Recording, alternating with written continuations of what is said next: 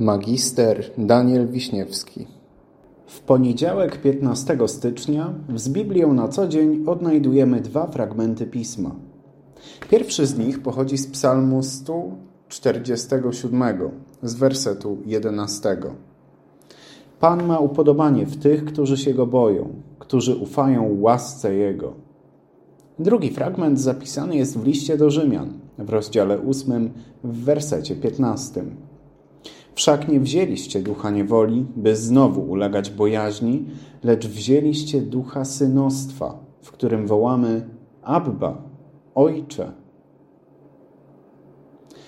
Żyjemy w świecie, który jest pełen kontrastów, a chyba największą ich ilość widać w sferze religii.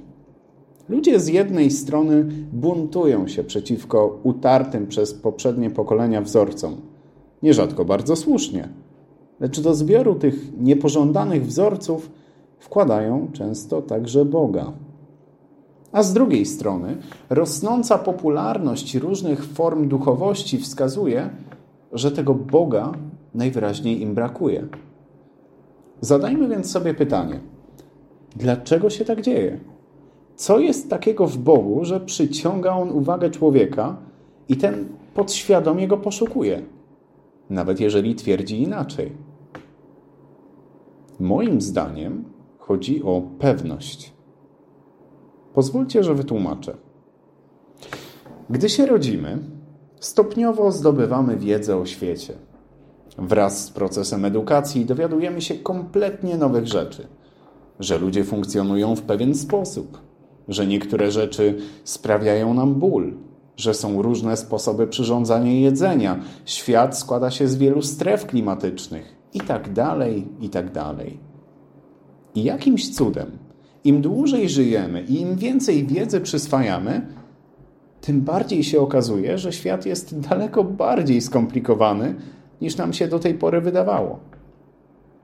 I o ile na niektóre pytania, ok, potrafimy znaleźć odpowiedzi dzięki biologii, fizyce czy medycynie, to niektóre kwestie pozostają dalej nierozstrzygnięte co się dzieje z człowiekiem po śmierci, jaki sens ma życie człowieka, jaki sens ma moralność, czy cała droga mojego życia do tej pory była zbiorem przypadków, czy może ktoś wie, jak to wszystko się potoczy?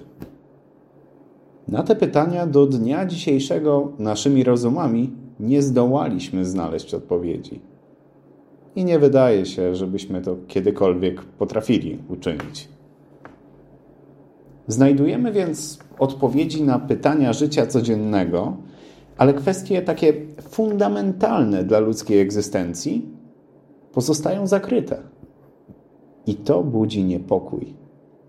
Nie mamy nad wszystkim kontroli, tak jak być może byśmy chcieli. Dlatego odczuwamy potrzebę zapewnienia, że nawet jeżeli wszystkiego nie wiemy i nie potrafimy tego kontrolować, to po prostu będzie dobrze. I właśnie to, jako chrześcijanie, uzyskujemy od naszego Ojca w niebie. Spójrzmy chociażby na nasz dzisiejszy fragment listu do Rzymian z towarzyszącymi mu wersetami. Bo ci, których Duch Boży prowadzi, są dziećmi Bożymi. Wszak nie wzięliście ducha niewoli, by znowu ulegać bojaźni, lecz wzięliście ducha synostwa, w którym wołamy Abba, Ojcze. Ten to duch świadczy wespół z duchem naszym, że dziećmi Bożymi jesteśmy. A jeśli dziećmi, to i dziedzicami. Dziedzicami Bożymi, a współdziedzicami Chrystusa, jeśli tylko razem z Nim cierpimy, abyśmy także razem z Nim uwielbieni byli. Słowo Bóg w wielu kulturach na całym świecie kojarzyło się różnie ale raczej było związane z takimi rzeczami jak potęga, wieczność, nieuchronność, surowość, czasami również łaska. Ale apostoł, pisząc te słowa, wskazuje, że podejście wierzących do Boga w Trójcy Świętej Jedynego jest zupełnie inne. Oni posiadają Jego ducha, cząstkę Jego samego, tchnienie życia, które pozwala im zwracać się do Stwórcy per Ojcze.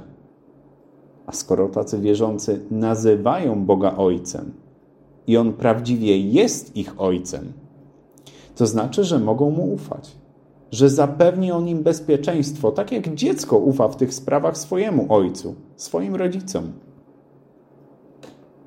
Dlatego chciałbym nam wszystkim życzyć, żebyśmy w tym świecie, raz po raz, ciągle na nowo szukającym mądrości i zapewnienia o rzeczach niepoznawalnych, nazywali głośno Boga naszym Ojcem i po prostu Mu ufali.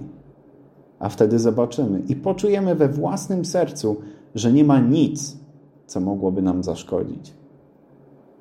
A na zakończenie chciałbym zostawić Was ze słowami pieśni, której możemy znaleźć w dzisiejszym z Biblią na co dzień.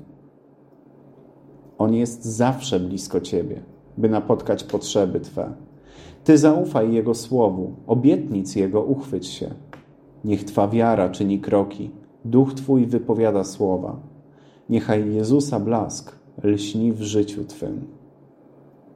Amen.